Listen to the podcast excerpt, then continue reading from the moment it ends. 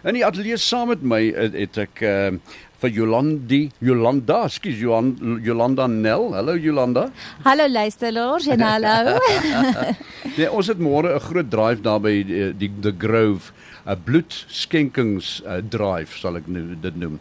En ons gaan daar regstreeks uitsaai.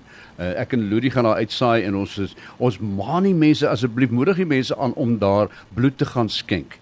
En jy is 'n persoon wat wel 'n uh, baat gevind het by bloed en met jou storie. Kom vertel jou storie, waaroor gaan dit? So my dogter is nou 23 jaar oud, haar naam is Kayla. So so toe to sy um 4 maandjies oud was, het ons agtergekom dat sy baie bleek van kleur was en ons het haar na die pediater toe geneem. En ons het toe uitgevind um dat sy baie siek is, maar hulle kon nie dadelik vasstel wat fout is nie. En die eerste ding wat hulle gedoen het was om haar HB telling te neem en ehm um, dit was toe baie laag geweest. So hulle het onmiddellik vir haar bloed gegee in Nelspruit se Medikliniek en um, van daar af is hy toe oorgeplaas na die Unitas Hospitaal toe na 'n hematologiese um, spesialis. So sy was regtig baie siek en ehm um, toe sy daar in die hospitaal kom, moes sy weer bloed kry. En um, ek het nie eers geweet dat 'n mens kan bloed skenk en vir wat um mense bloed voor of hoeveel mense eintlik bloed nodig het nie en sy is toe vereers opgeneem in die kankerafdeling die pediatriese kankerafdeling van Unitas want hulle het vermoed dat sy leukemie het. So dit was 'n regtig 'n groot skok vir ons gewees en daar het ook ek gesien hoeveel baat hierdie kankerpasiënte ook vind met bloed wat hulle moet kry. Ehm um, gelukkig is Kayla so gelukkig dat sy toe nie kanker gehad het nie en sy is 'n gesonde jong dame vandag. Hoe oud? 23? Sy is 23 jaar oud. Sy het verlede jaar haar graad gekry en sy besig met haar meesters. En die enigste ding wat sy nou oorgehou het is dat sy 'n bietjie um nog steeds anemies is. Sy het um maar sy het gelukkig nog nooit weer bloed hoef te kry nie, so sy gebruik yster-aanvulling. En um sy het 'n bietjie gehoorverlies, 30% gehoorverlies. Maar verder is sy springlewendig en gesond. Maar ek is baie bly om dit te hoor. Maar was dit nie vir daai bloedoortapping elke keer nie, nê? Nee, kon sy dit seker nou nie so so De goed gemaak het nie. Definitief vir al daardie eerste keer voor hulle nog enigsins geweet het wat haar mekeer, toe hulle sien dat haar HB telling so laag is, het hulle dadelik besef dat hulle moet dadelik vir haar bloed gee. So die eerste stap was gewees om die eerste keer bloed te kry en toe het hulle eers met verdere toetse ensovoorts gegaan. En ja, dit was vir my wat nie eers geweet het dat 'n mens kan bloed skenk of daar of so iets is nie.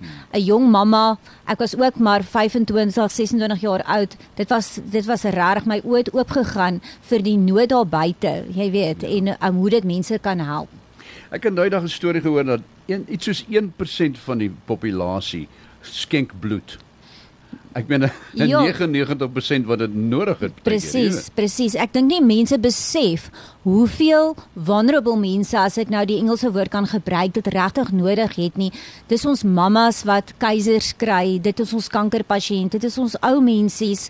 Dit is regtig waar ons me, uh, um, soveel mense wat de, wat moet bloed kry, mense met opera wat operasies kry. Um ja, ek dink ons besef die impak daarvan nie en ek dink mense is onnodiglik bang want dit is regtig nie seer nie en is 'n paar minute van jou lewe, maar jy kan tot 3 lewens red met een skenking. Verduidelik daai ene bietjie.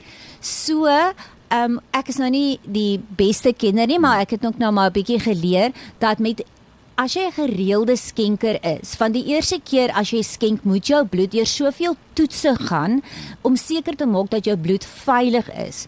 So, ehm um, jou bloed word as jy die Nelspruit skenk dadelik na Middelburg toe vervoer en daar is 'n baie groot ehm um, uh is is so NBS en dan word jou bloed deur soveel verskeie toetsings om seker te maak jou bloed is veilig en dan kan jou bloed gebruik word vir 3 mense.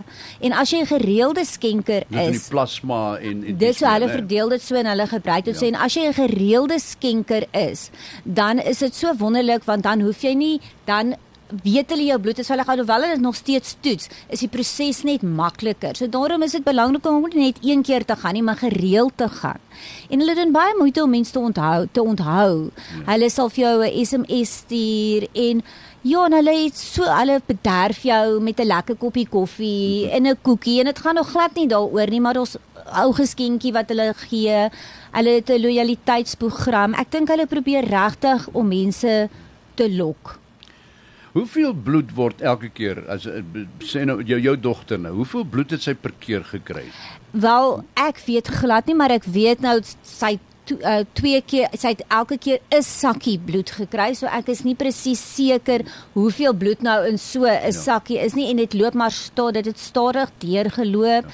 en ehm um, ja so ek weet nie presies hoeveel jy kry nie maar ja soos ek sê ek weet vir 'n feit dat met een skenking kan jy vir 3 mense bloed gee dit is dit weet ek wel Ja nee, dit is ongelooflik nee.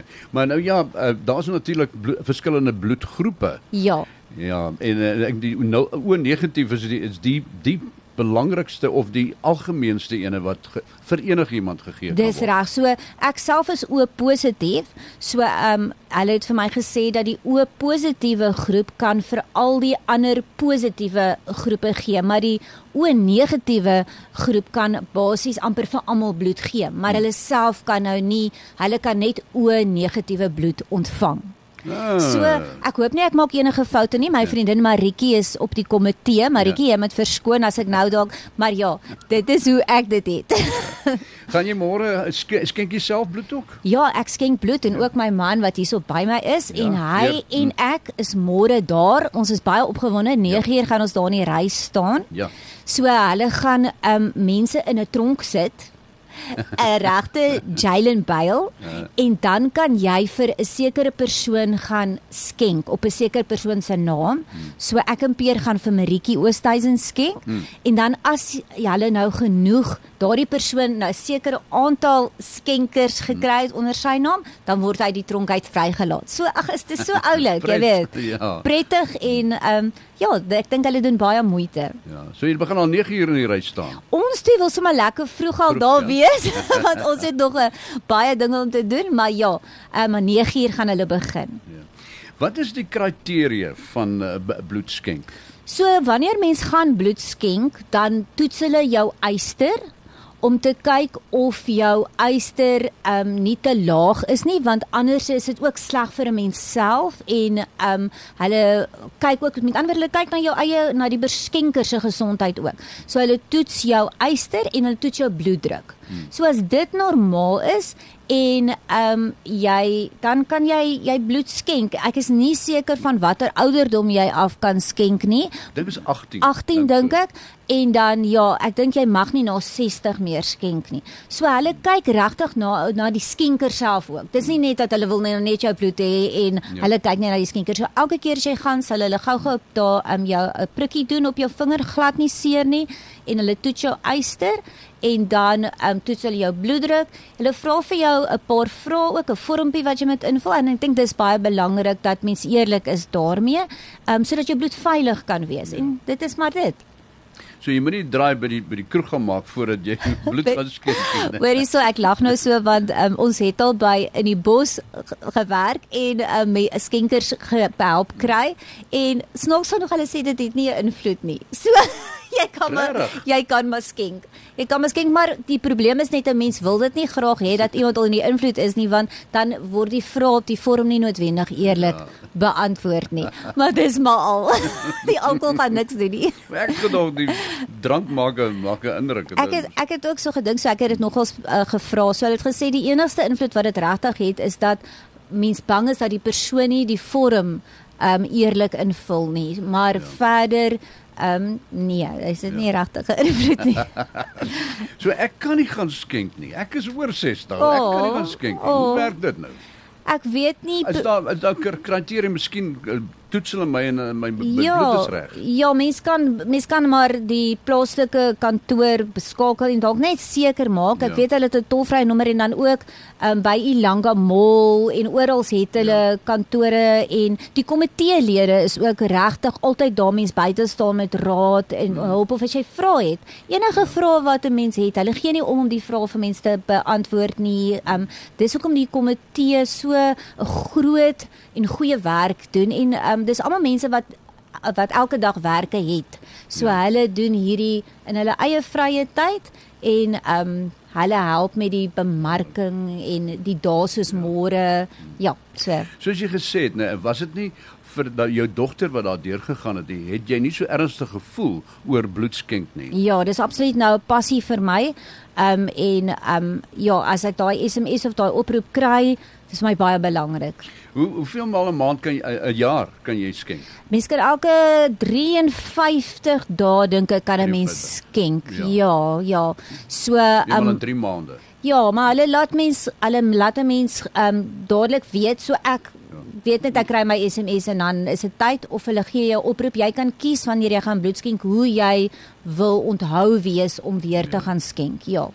Ons sien jou daar môre. Ja, ek kan nie wag nie. Ek sal kom hulle sê. En vir jou daar by die huis asseblief ehm knyp net 'n tydjie af 'n uur of 2 en kom uh, lewer jou bloed. Skenk jou bloed vir 'n baie baie noodsaaklike uh, doel.